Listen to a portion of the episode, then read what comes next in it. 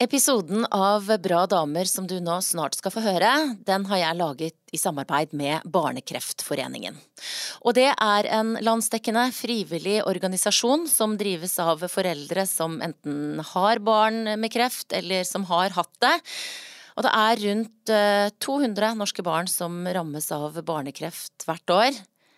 Heldigvis så overlever fire av fem, men det er sånn at dette er den hyppigste dødsårsaken eh, for de mellom 1 og 14 år her i eh, landet. September, måneden vi er inne i nå, det er barnekreftmåneden. Og det betyr at eh, man ønsker ekstra oppmerksomhet mot denne sykdommen. Kanskje så har du allerede sett noen som bærer en sånn nydelig gullsløyfe. Eh, disse nålene de selges i butikker over hele landet. Og hvis du kjøper en sånn, så viser du selvfølgelig din eh, støtte til de som har barnekreft, til deres pårørende. Men pengene du betaler for nåla er også med på å støtte viktig arbeid, viktig forskning som gjøres på barnekreft. Så støtt gjerne Barnekreftforeningen. Og så håper jeg inderlig at du kanskje lærer litt av episoden du snart skal høre, om hvordan denne sykdommen kan ramme.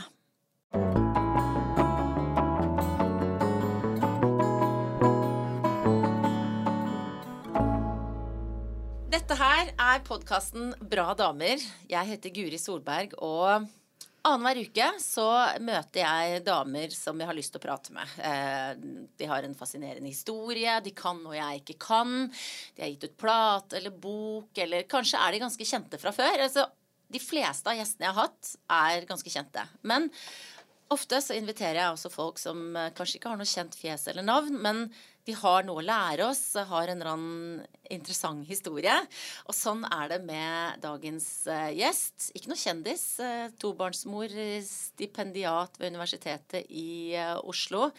Eva Mari Andersen, velkommen hit. Tusen takk. Jeg har invitert deg hit, for nå er vi i, i, september. September er barnekreftmåneden.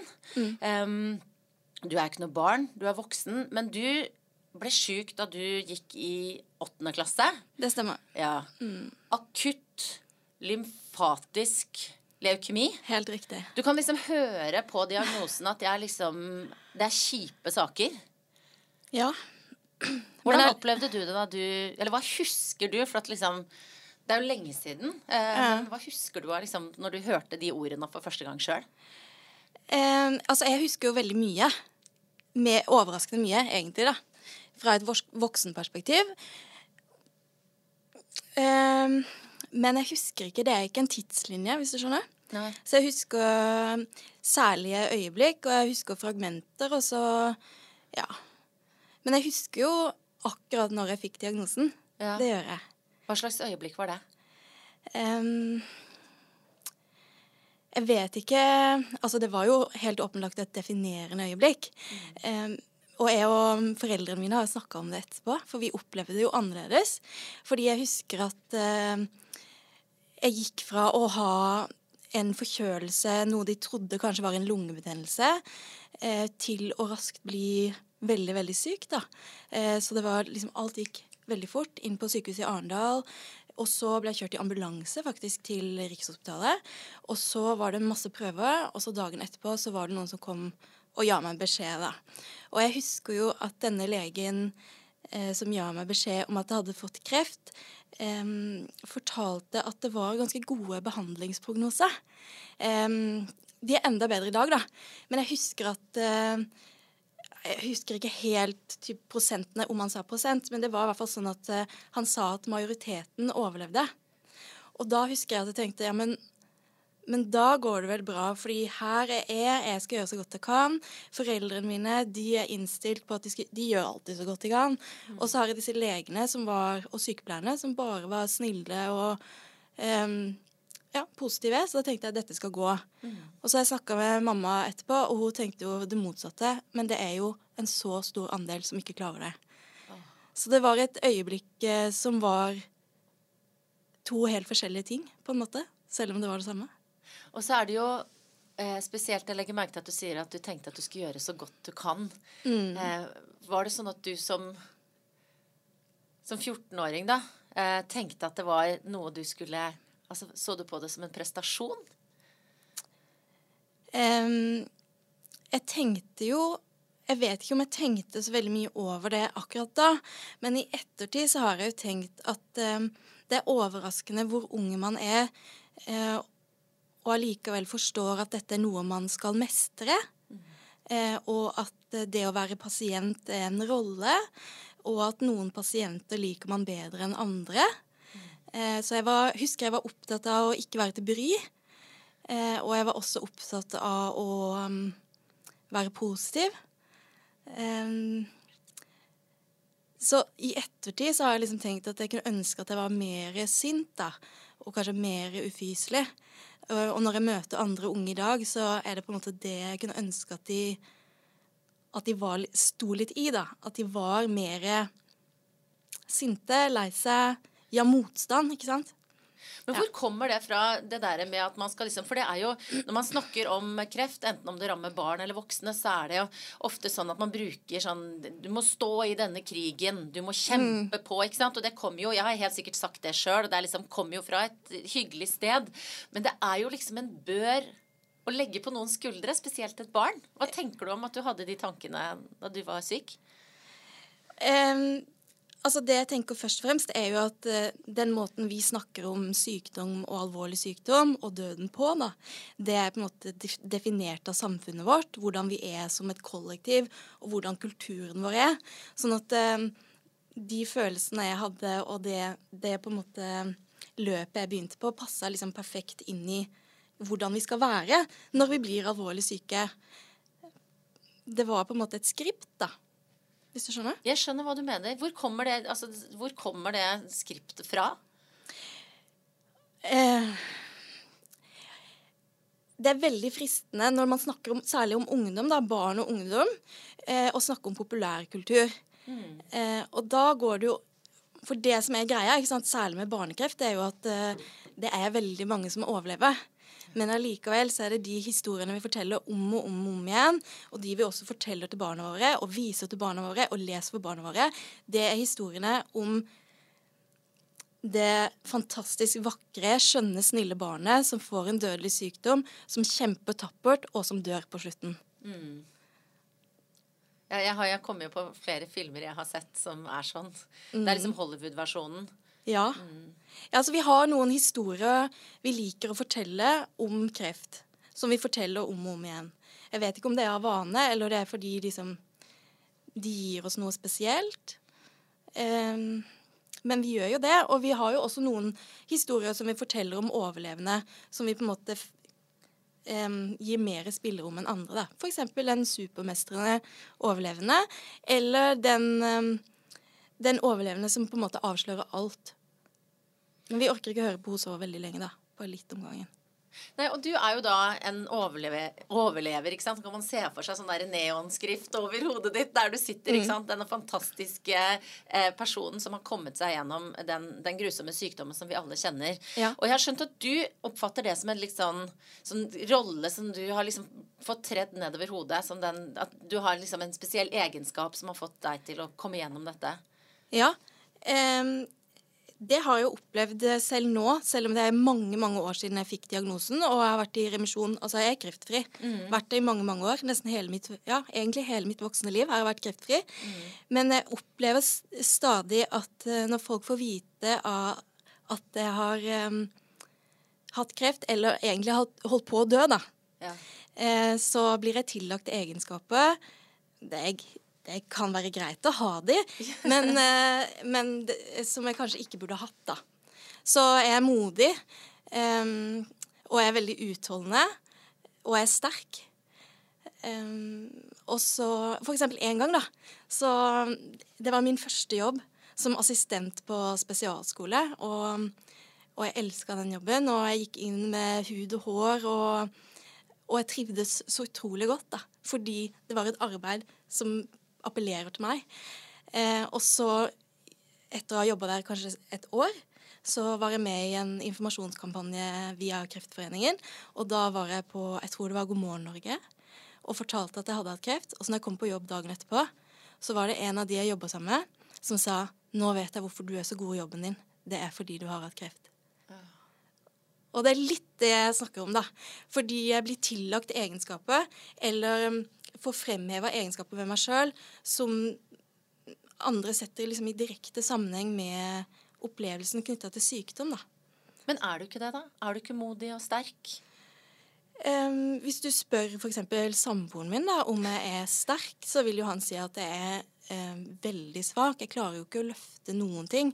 Jeg må støtte meg i hver eneste trapp jeg går i. Uh, og er jo veldig lite utholdende, da, hvis du tenker på liksom, fysisk eh, utholdenhet, enn de fleste av mine jevnaldrende. Eh, og jeg merker jo det at selv om det har gått veldig lang tid, så har jeg jo noen sånne trekk som Altså, jeg var veldig flink til å holde ut når jeg var midt i behandling, og jeg var veldig tøff i trynet de, de, liksom, de neste fem åra når jeg var på kontroll. Eh, og nå blir jeg på en måte mer og mer svak og, har, og tåler mindre og mindre. Så for eksempel bare det å gå til tannlegen for meg når jeg mister kontrollen, eh, det er en kjempeprøvelse. Så jeg har jo en tannlege som må gi meg klem eh, hver gang jeg går dit. Han er jo fantastisk, da. Men hvor kommer det fra, det at du føler at du blir svakere og svakere og trenger den klemmen? Hva er det som skjer, det som skjer da? Eh, jeg tror at det er det at jeg har stått i um,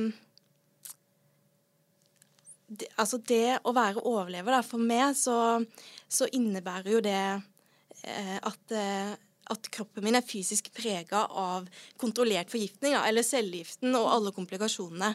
Sånn at eh, selv om jeg ikke blir behandla for eh, kreft nå, og er ferdig med liksom standard oppfølging, så skjer det av og til ting med kroppen min eh, som gjør at jeg må inn i helsevesenet. Og med min forhistorie så, så skjer det ofte raske vendinger, og folk blir Altså Hvis jeg har vondt i halsen, da, eh, og plutselig får 40 i feber, så drar jo jeg på legevakta som alle andre. Det er bare det at når jeg møter turnuslegen som sitter på legevakta, som spør meg om forhistorien, og jeg begynner å eh, bekrefte eh, alle tilstandene jeg har hatt før, eh, da går alarmen. Sånn at da skjer det ofte veldig mange ting, da. Og jeg er jo veldig glad for det, fordi at jeg blir alltid veldig godt ivaretatt. Eh, men det har vært veldig mye styr med kroppen min. Og nå begynner jeg å bli lei.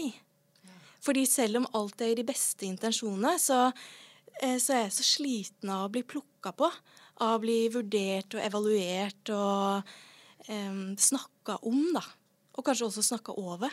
Så du føler at eh, den eh, diagnosen eller det som ramma deg så hardt eh, da du var tenåring, mm. det er på en måte det er noe du bærer med deg til evig tid, på et vis?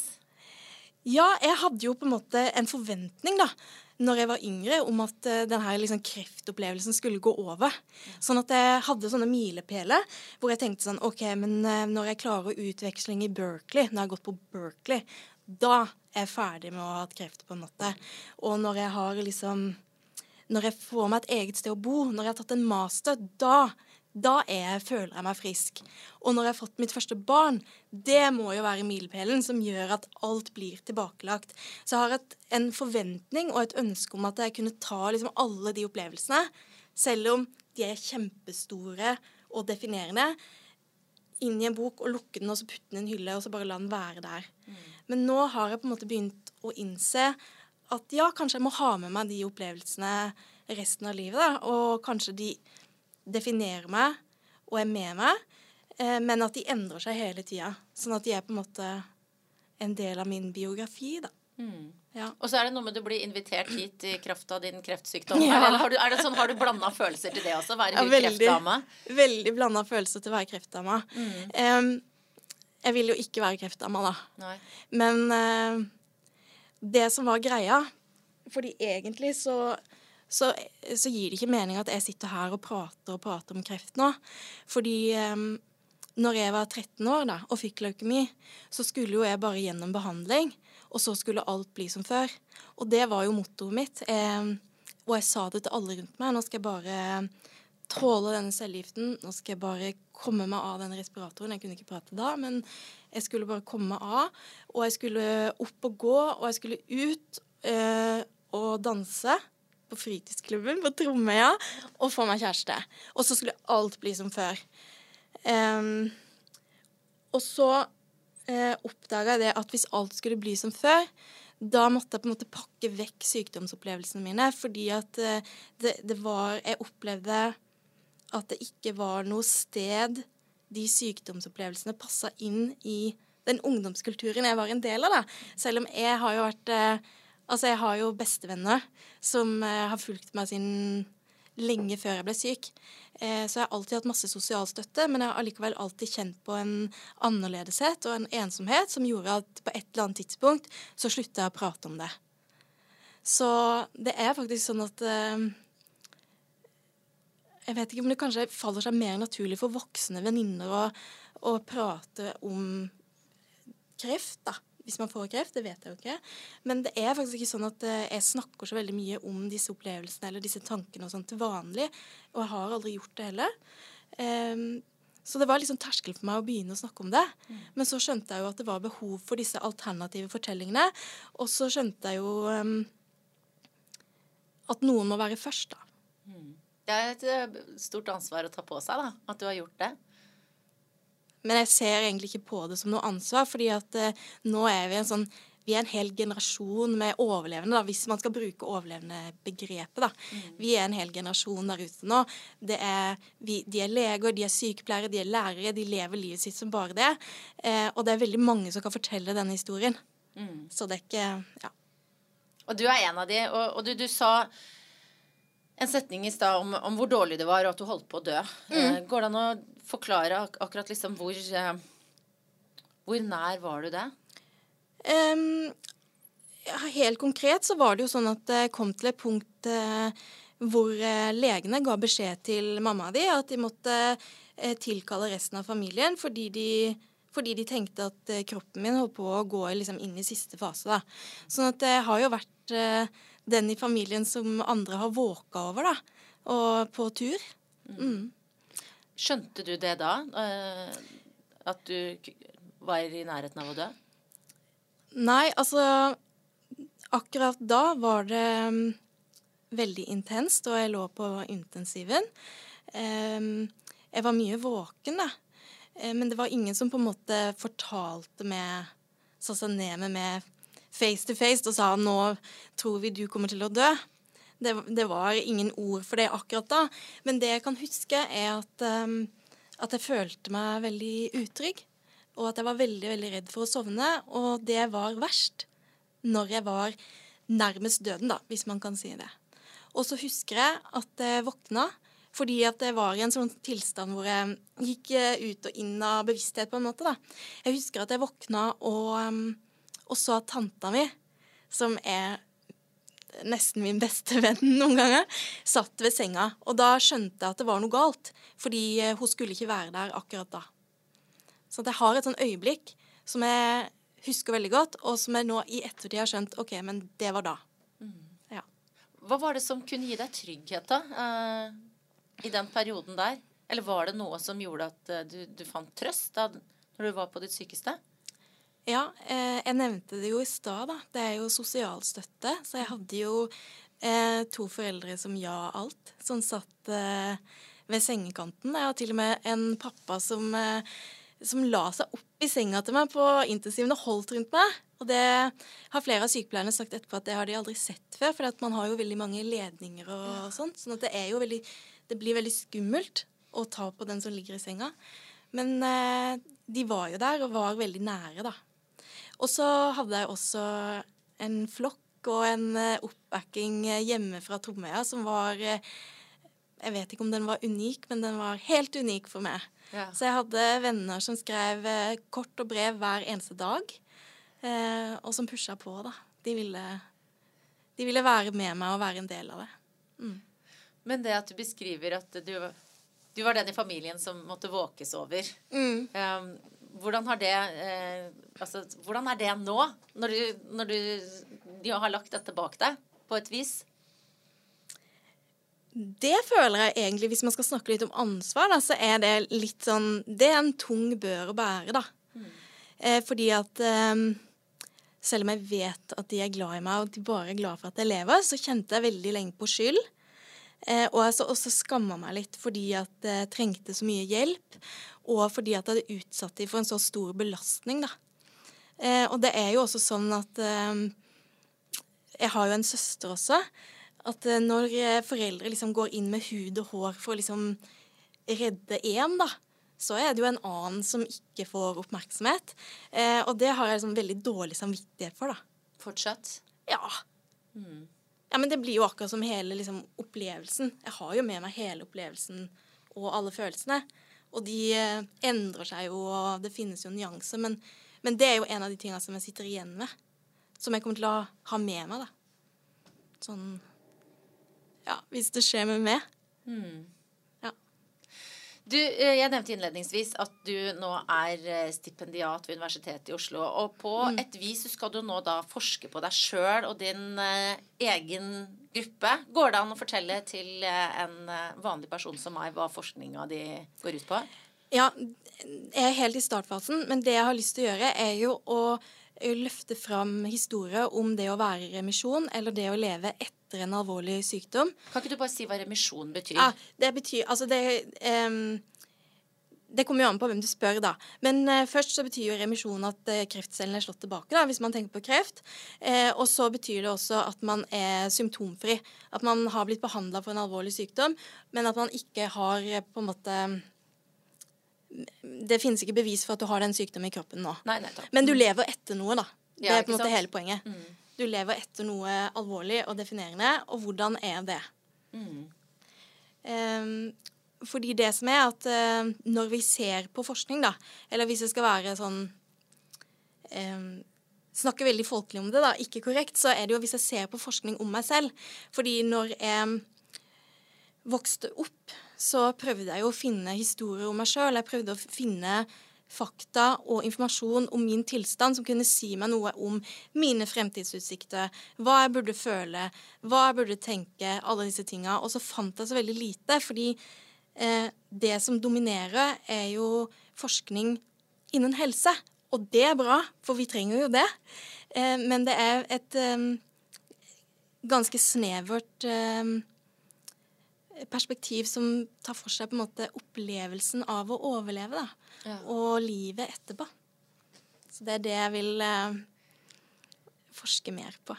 Ja. Og det er jo, du har jo da et unikt utgangspunkt fordi du har innsikt eh, fra, fra innsida på et vis. Mm. Men det er jo Det blir jo liksom fortsetter å bli litt sånn bekymra. Men nei, Eva, nå går det jo bare enda lenger inn i Ja, det som du på en måte er ferdig med. Eh, hvilke tanker har du gjort deg rundt det? Em, jeg tenker på det hele tida. Eh, og så er det jo på en måte eh, Ut fra et sånn forskningsperspektiv så kan man jo problematisere det at jeg på en måte skal forske på meg selv og min egen gruppe. da. Eh, fordi man sier jo f.eks. at fisken som svømmer i havet, er ikke klar over havet rundt seg. på en måte. Den ser jo ikke vannet. Um, og så er det jo mange som er bekymra, selvfølgelig. Eller jeg vet ikke om det er mange, men jeg har jo hørt det før, det du sier. Men det som er viktig for meg å understreke da, er jo at eh, jeg har det jo med meg uansett. Dette er jo på en måte Dette har blitt min eh, mestringsrute, da. Hvor jeg har på en måte gått fra å um, søke etter litteratur på biblioteket, finne ut at ingen har fortalt disse historiene før. Ja, prøve å gjøre det. Jeg har jo gjort det litt før. Og så jeg må, jeg må bare gjøre det.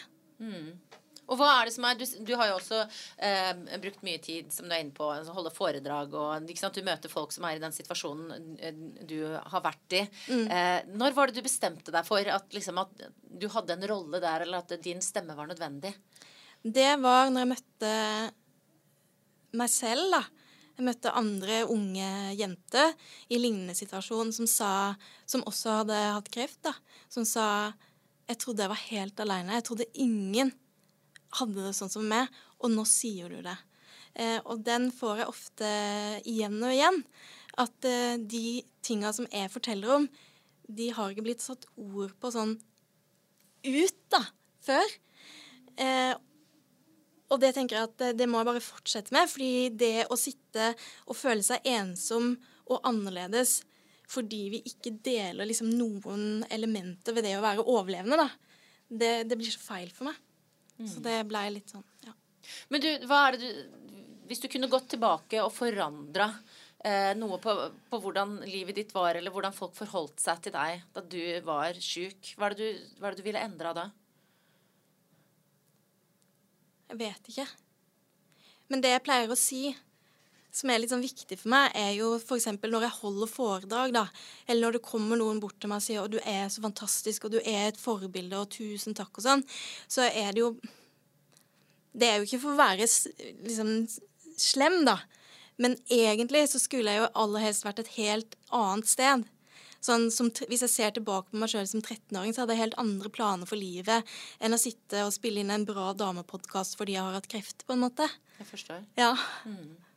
Så du har på en måte blitt tvunget inn i et ja, en plan eller et livsløp som du nå i aller høyeste grad gjør det beste ut av, da, ikke sant? Eh, Ja, Men kanskje. som du ikke har valgt sjøl. ja. Mm. Hvor mye altså, er du forbanna for det? Kanskje litt bitter. Mm. Men, men det blir jo Jeg tror alle har det sånn, da, at man ser tilbake på livet sitt og tenker at egentlig så skulle jeg tatt andre valg. Egentlig skulle jeg vært et annet sted, da. Men uh, de fleste som har vært syke, da, de snakker jo ofte om liksom, hva de har lært, og em, at de på en måte har hatt mange fantastiske menneskemøter, og at de har vokst som personer, og alle disse tinga. Og, det, og jeg, jeg benekter ikke det. Nei. Men det er bare det at eh, jeg tror at det hadde vært eh, et helt annet sted Fordi kreften har begrensa meg. Og det å leve med f.eks. seinskader etter kreft, da, det begrenser meg som menneske. Sånn at eh, Ja.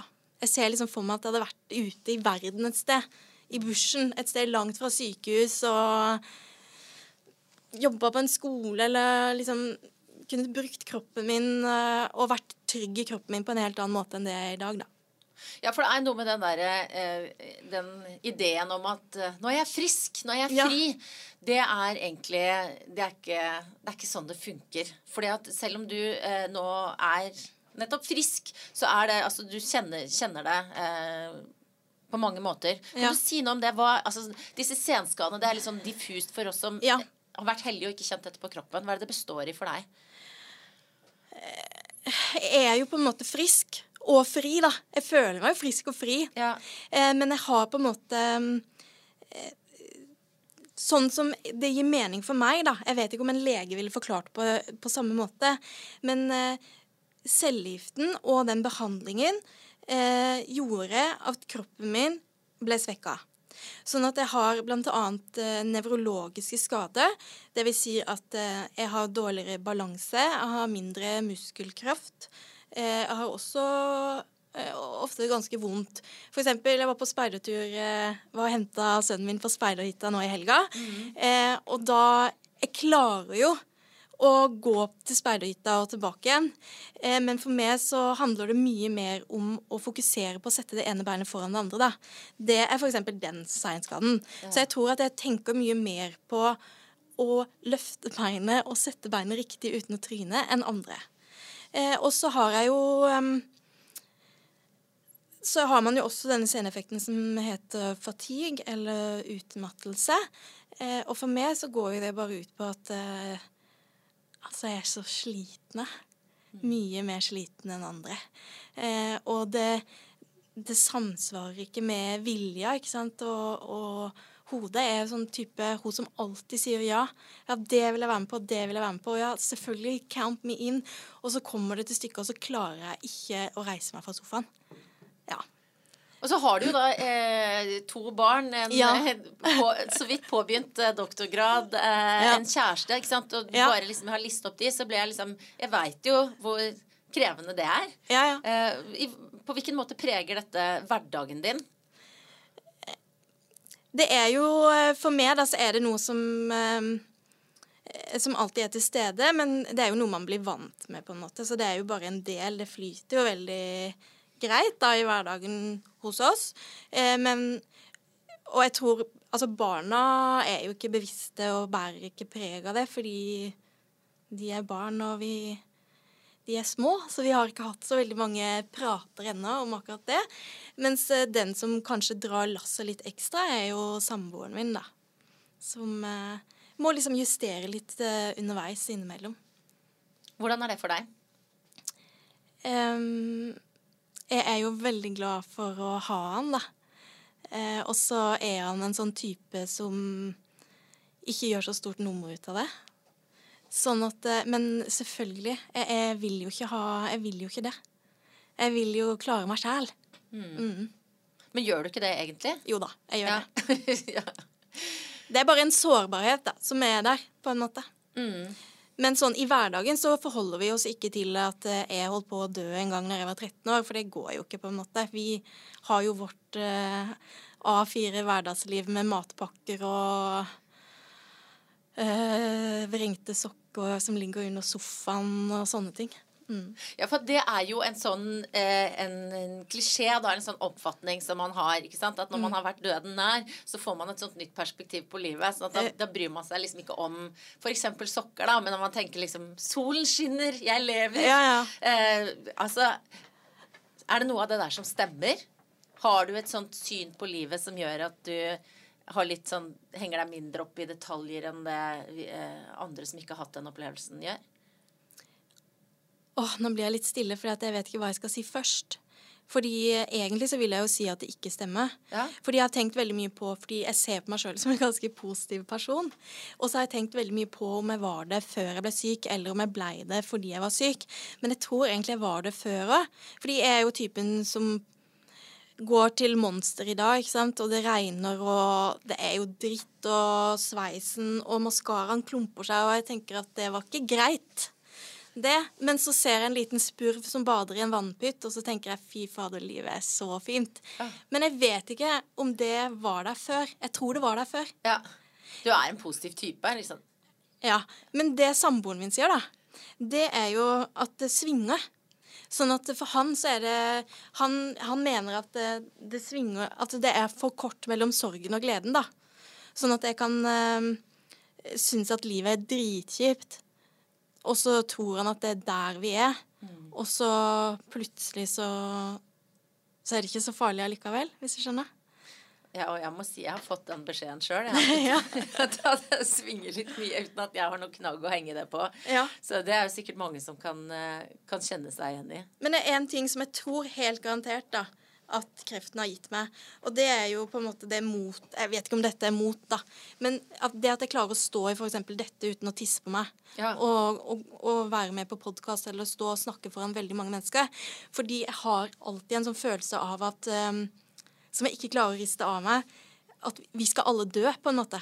Om 100 år er alt glemt. Ja. Så hvis det går Hvis jeg driter meg ut nå, så er det ikke så farlig allikevel. Og det tror jeg er pga. kreften. Så jeg vet ikke om det handler om mot, eller om man bare blir litt sånn avstumpa.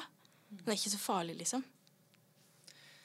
Du har jo to barn som er litt for unge til å ta den derre Ja, dere har ikke snakka så mye om at du har holdt på å dø. Nei. Men eh, det, når er det du gjør det, eller skal man gjøre det? Eller på, i hvilken måte skal man involvere barna sine, syns du, i en sånn historie? Em,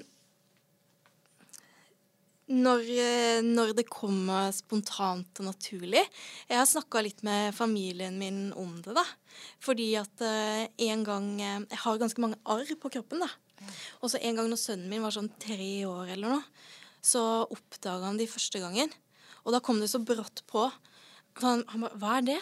Og da sa jeg å nei, å, det er dynemerket. Mamma sove så lenge. Sove, oh, ja, liksom, ja, ja. Du dro en liten løgn? Ja, det var uh, intuitivt, så ville jeg ljuge, da. Mm. Uh, og da etter så skjønte jeg på en måte at jeg måtte legge en plan for det. Så planen er nå at uh, vi skal være helt ærlige, men at vi kan forenkle det litt. Sånn at vi trenger ikke legge så veldig mye vekt på at prognosen var veldig dårlig. Vi sier heller at jeg har vært veldig, veldig syk, men at jeg blei frisk. Mm. Ja. Og så lurer jeg på i hvor stor grad dette har gjort deg til en eh, bekymret mamma. Det er vi jo alle. Eller altså, Nå skal ikke jeg ta deg med i min opplevelse, men altså, de fleste kjenner jo på jo større kjærlighet, jo større Mm. bekymring. Uh, med din bagasje, uh, hvilken vei vipper det da? Eh, Det som er greia, er jo at jeg har jo en erfaring med at kroppen min ikke spiller på lag. Sånn at jeg har liksom erfart at eh, alt gikk kjempefint, og så plutselig fikk jeg kreft, og så holdt jeg på å dø. Sånn at eh, Og mine barn, ikke sant, de er jo perfekte. De er så fine, og de er så friske, og sånn at Min største bekymring går jo på at Eller bare Jeg bare håper at ikke jeg, med min kropp, fucker det opp, da. Sånn at min største frykt er ikke at de skal bli syke. Det er det at jeg skal bli syk og påføre de traume. At jeg skal få kreft igjen, på en måte. Mm. Så det kunne jeg gjerne ønske Hvis jeg kunne ønska meg bort én ting, da, som henger sammen med den der kreftopplevelsen, det er den derre Å slippe følelsen.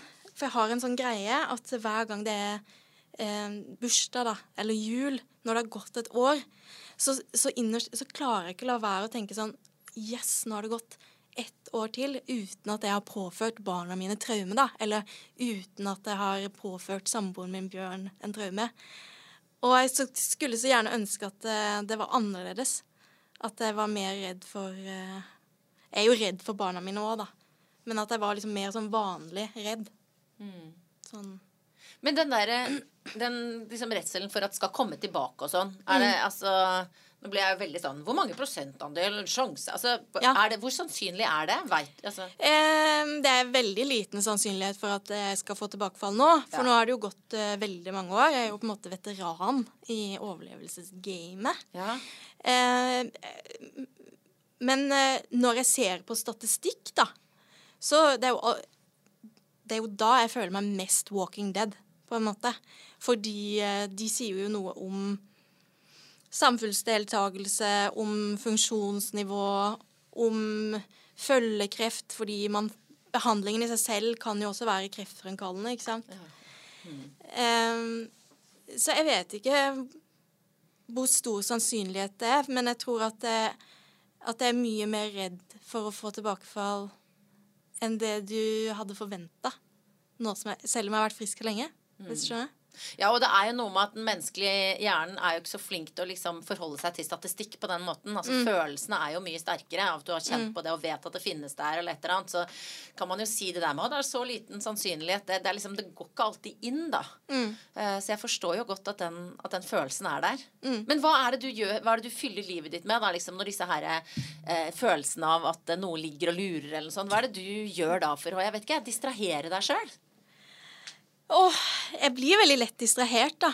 Det blir litt sånn um, Jeg pleier å sammenligne det med å være redd for tilbakefall med uh, første gang man tar lån, da. Sånn her i Oslo så tar vi jo veldig, veldig mye lån for å, for å eie bolig.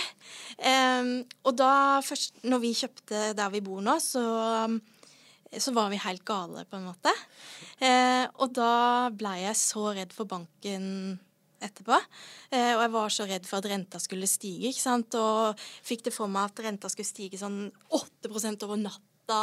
Og, og, og, så er det jo sånn I begynnelsen så tenker man på den renta så mye, og så finner man ut at uh, den holder seg. Så man blir liksom vant til å, å, å på en måte ha renta i livet. Og så kom etter hvert nå så er det mer sånn at den kommer som blaff. ikke sant? Så av og til tenker jeg sånn Å, faen. Eh, nei, nå er jeg på radioen. Nei, det går, Vi stryker det. Pip! Ja.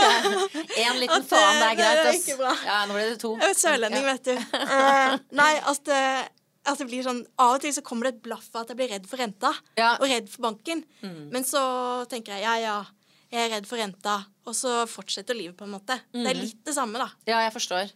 Det er jo en, en, noe jeg kan relatere meg til. Det, er en er kredittkortregning eller et eller annet ja, ja. som liksom bare ligger der og suger litt kraften ut. Ja. Men du, apropos eh, det F-ordet.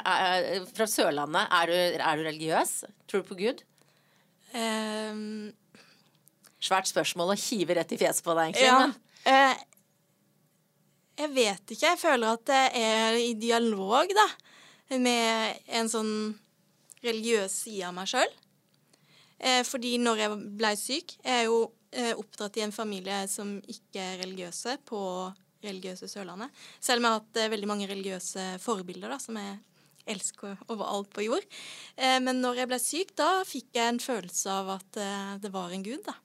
Sånn at da, da fikk jeg faktisk gjennom både at jeg ble døpt og og konfirmert eh, kristelig, da. Men så kommer liksom inn det der, eh, den bitterheten at det er litt sånn sinna, så hvis Jeg håper jo på en måte at uh, Gud finnes, da. Så jeg kunne tatt en prat med han. Mm. Hva skulle du sagt? Ja, vi snakker litt om de tinga som ikke er greit. Ja. Fordi at det er så mye jeg ikke forstår, da. Ja. Men du, det er jo et ganske svært skritt å ta, da. Å bli døpt og konfirmert og liksom ta et Mm. annet valg enn foreldrene dine. Ja. Hvilket, var det noe sånn øyeblikk hvor du, hvor du tenkte liksom Nei, jeg tror Gud finnes? Ja. Det var jo det. Og så Og så tenkte jeg det, det fins jo ikke noe mer perfekt tid å si det på nå, for at nå, kan, altså nå, nå har jeg jo kroppen full av kreft. Så da var det jo på en måte sånn Ja ja, hvis du tror på Gud, så Vi har jo opptatt deg til å tenke sjøl. Så det, det var jo det jeg fikk, da. Ja. Mm. Men, men hva var det som gjorde at du, du fikk den åpenbaringen, uh, for å bruke et litt sånn uh, kleint ord, kanskje? Det vet jeg ikke, men jeg husker at jeg lå og tenkte det må være noe mer enn dette. Så det var vel sikkert et um, En sånn 13-årings eh, må Prøve å skape mening på, kanskje. Mm. Har, har det forandra seg mye, det synet du hadde da, og den følelsen du har av å være i dialog med et eller annet nå? Eh, har det vært mye utvikling der siden du var eh, 13-14?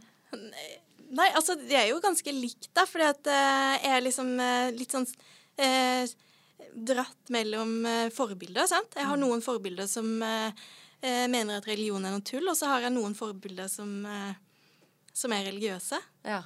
Og så vil jeg veldig gjerne Ja. Så hører jeg på begge to, da. Hvem er forbildene dine? Eh, altså, nå tenkte jeg på, faktisk på mamma og pappa, da.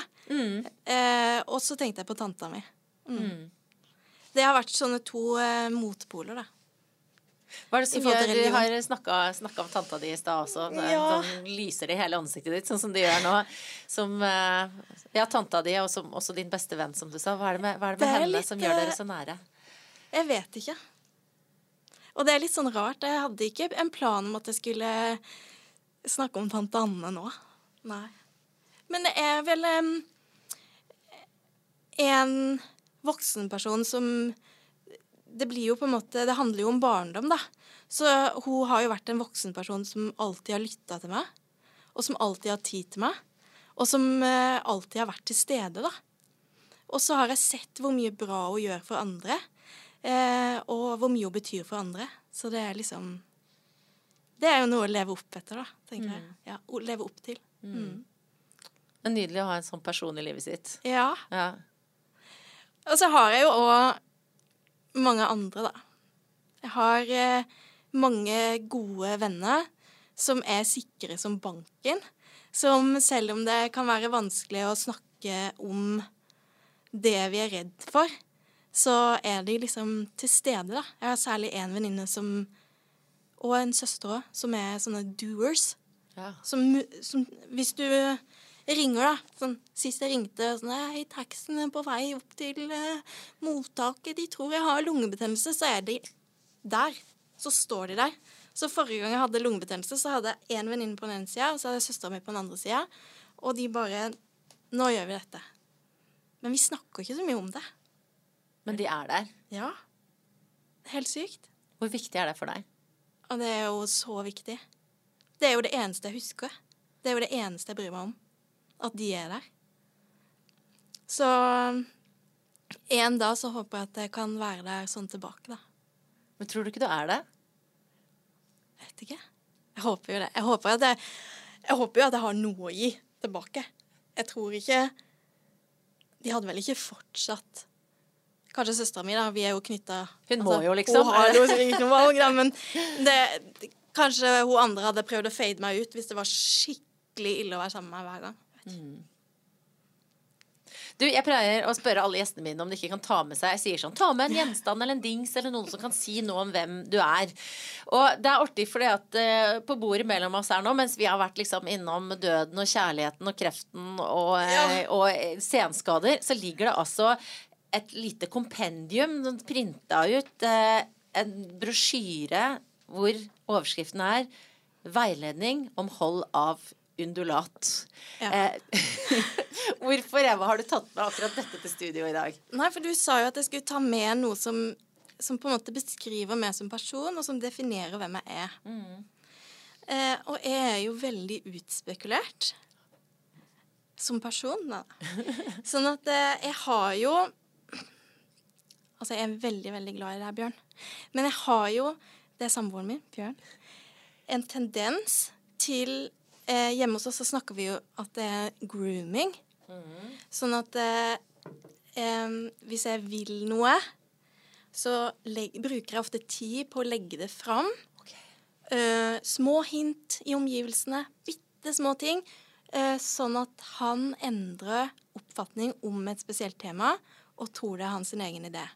Så til nå så har jo da eh, Bjørn har jo eh, blitt vegetarianer. Og er jo Han er jo mye mer engasjert eh, eh, veggis enn meg. Og det tar jeg æren for.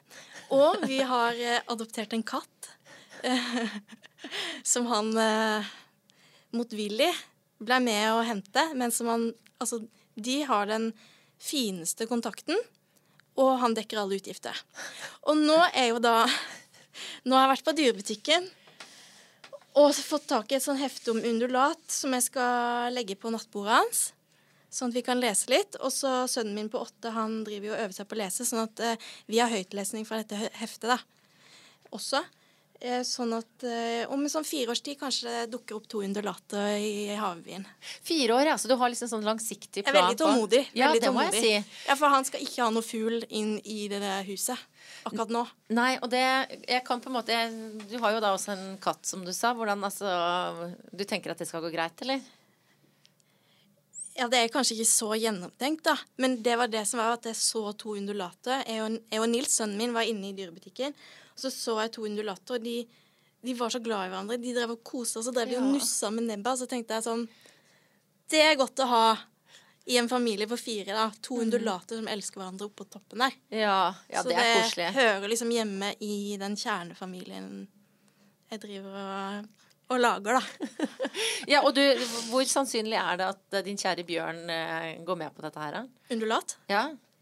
Nei, altså, jeg må jo komme tilbake om fire år, da. Men jeg, jeg anslår at vi har to undulater da. ja. Og at han renser buret hver uke.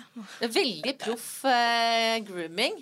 Altså, har du noen gode råd eh, hvis det er noen som hører på nå, som, som gjerne har noe de skulle ha oppnådd på hjemmebane, og ønsker å lære av din eh, visdom? Ja, du må være veldig tålmodig. Og så må du prøve å være snill òg, da. Ja. Mm. Er det to egenskaper som du eh, setter høyt? Jeg prøver å være tålmodig, jeg prøver å være snill. Ja. ja. jeg vil at eh, folk skal være snille med hverandre. Ja, Det er jeg opptatt av. Ja, det støtter jeg absolutt. Jeg pleier jo også da å spørre, spørre gjestene mine eh, litt sånn i de baner, da, hva, hva de definerer som en bra dame. Eh, I og med at eh, de har så forskjellige utgaver av arten eh, som gjester her, da. Er det noen egenskaper som du setter høyt der for at det skal være en bra dame? Ja. Da eh, tenker jeg på um, Da skal jeg tenke på tre bra damer. Det er søstera mi, eh, mammaen min og min beste venninne. Eh, og det er jo damer med De, um, de har bein i nesa. Eh, de er veldig engasjerte i sine fagfelt. Eh, og de er, de er stayers og doers. De, og de stiller opp. Mm. Det tenker jeg er en bra dame. En som er der for andre, men også som er ærlig. Sånn som eh, min venninne Maria, da. Eh, Snakka med henne rett før jeg gikk inn her. Eh, så sa hun eh, Det hender du sier noe dumt, men eh, du pleier ikke å si så mange dumme ting på en gang, så det går nok bra. Og det var jo trøst i det. Ja, ja, ja. For det var derfor jeg ringte. For jeg sendte en melding og spurte om hun var glad i meg uansett hva jeg sa, da. Og hvordan føler du nå når vi har snakka en stund? eh, Føler du at du har sagt noe dumt? Nei, Nei. Det syns ikke jeg heller, nemlig. jeg tror ikke det. Men nå har du tre spørsmål igjen til å drite deg ut på. Jeg gleder meg. Og disse her er i hvert fall ikke så farlige. Ja. Eh, tre kjappe spørsmål som jeg stiller Altså til Altså Det om sex, det er veldig farlig for en sørlending, da. Ja, nettopp. Ja. Ja. men Da tar vi det til slutt, Ja, for ok. det, er, det er gøy. Så kan du tenke litt på hva du skal svare Ja. der. Ja. Eh, hva spiste du til frokost i dag? Jeg spiste en banan, og så drakk jeg kaffe som eh, samboeren min eh, lager til meg hver morgen. Ja, ikke sant? Fader, du har oppdratt ham bra, altså. Bjørn! Gjør som Bjørn! Han sto til og med opp tidligere enn han pleier for å rekke å lage kaffe før jeg skulle dra. Men du, det er kjærleik. Det er det, vet du. Ja. Hvor lang tid brukte du til å finne ut hva du skulle ha på deg i dag? Som er altså en så kul bluse med noe sånn Hva heter det? Er det eh, hvor- Er det rysjer? Rysjer? Og så er det krepp. Ja, og da slipper man å stryke den, kanskje. Så den Ja. er liksom Ja. Den trenger ikke strykes. Den er like fin hver gang. ja. Eh, og så er det litt sånn cowboy over den. Ja. Mm. Jeg liker den kjempegodt. Var det, hvor, hvor lenge brukte du på å finne ut at det var den du skulle gå for i dag? Nei, veldig kort. Mm. Men uh, det er fordi jeg nettopp har kjøpt den på Kjøpt den second hand. Ja. Så jeg er ekstremt fornøyd med kjøpet. Mm. Og så når jeg hadde den på meg første gang, så var jeg ute og spiste da med annet Maria, min venninne. Og da var vi på en ganske fin restaurant. Mhm. Og så var det ingen som hadde kommentert den. Og så sa jeg Hva syns dere om den nye skjorta mi, da? Og så tok jeg en bit av maten min, og så mistet jeg den. Så jeg fikk en svær flekk på den. Og da ble det liksom veldig morsomt. Så at det her var dagen hvor den her skulle få liksom en ny sjanse, da. Ja, den har klart seg bra. Men den dagen er ennå ung. Vi snakker sammen tidlig på morgenen, så det, vi får se hvordan den er på slutten. Ja. Ok, her, kjære sørlending Eva, her kommer spørsmålet du har ventet på. Ja. Når hadde du sex sist? Jeg er fra Sørlandet. Ungene mine kom med måka. Og det gjorde de. Ja, selvfølgelig. Så eh, måka slapp dem ned rett over. Og så, Rett i pipa. så snakker man ikke om sex noe særlig. Nei, jeg orker ikke det, altså. Nei, nei men det det blir skjønner for mye godt. for meg. Jeg kan snakke om død, døden Ja. hele dagen. Ja. Og det, vi har jo vært på en måte godt gått innom den også, men Ja. eh, en del eh, andre ting eh, også. Og jeg oppfatter deg jo absolutt ikke som noe eh, Du er ikke en type som henger med hodet, men når Altså, vi har jo alle våre liksom eh, mørke sider, og du har sagt at liksom mannen din sier at det svinger kanskje litt mye mellom topp stemning og dypt nede. Eh, hva er liksom dine mest sånn stussligste øyeblikk? Og mest stusslige øyeblikk. Ja. Er det dårlig gjort å spørre om det rett etter Nei. jeg har spurt om sex? Nei Nei, for altså em, Det som er greia, det er jeg vet ikke om Har du hørt om sånn spirit animal? Ja. At alle har liksom sitt dyr. Ja. Eh, og mitt dyr er jo sånn en liten husmus. Ah. Eh, sånn litt sånn eh, rufsete i pelsen og trives best hjemme, da. Eh, så jeg vet liksom ikke helt eh, så, så som liksom person så er jeg jo en sånn hjemmekjær eh, eh, type som liker best hverdag, da. Sånn at eh, det, det kan jo noen ganger lett bli litt for mye for meg. ja. Jeg vet ikke. Jeg vet ikke hvordan jeg skal Ja, men jeg skjønner, skjønner godt det. Så du i hvert fall er på ditt eh, mest fornøyde når du er eh, hjemme i sofakroken med Bjørn, da. Ja, jeg tror eh, når jeg på en måte, eksempel, Der jeg egner meg aller dårligst, det er sånn ute på byen hvor det er spill, og, og hvor det er mye sånn eh, At man ikke er seg sjøl og sånne ting. Da er det sånn med en gang jeg kommer inn på en eh, pub eller en nattklubb, og sånn det har det alltid vært, så, så begynner jeg å lengte etter dyna, så tenker jeg på liksom restene jeg har i kjøleskapet, og, og den boka jeg holder på å lese og sånn. Så det, det er liksom kanskje det jeg takler dårligst. Det er sånn sosialt uh, spill. Jeg skjønner godt hva du mener. Og jeg forsto på deg at dette her kanskje ikke var sånn øverst på, på, på drømmelista di heller. Men jeg syns det har vært veldig hyggelig å prate med deg. Tusen takk for at du kom. Ja, det var veldig hyggelig å komme. Det Så bra du syns det. Ja, ja, det var veldig hyggelig, men jeg kommer jo aldri til å høre på det her. Jeg vet jo ikke Ja, hva jeg har sagt. Det trenger du ikke. Men jeg Nei. håper veldig mange andre hører på det, for jeg tror det er mye, Ja. mye lærdom å ta fra deg. Så tusen takk for at du delte.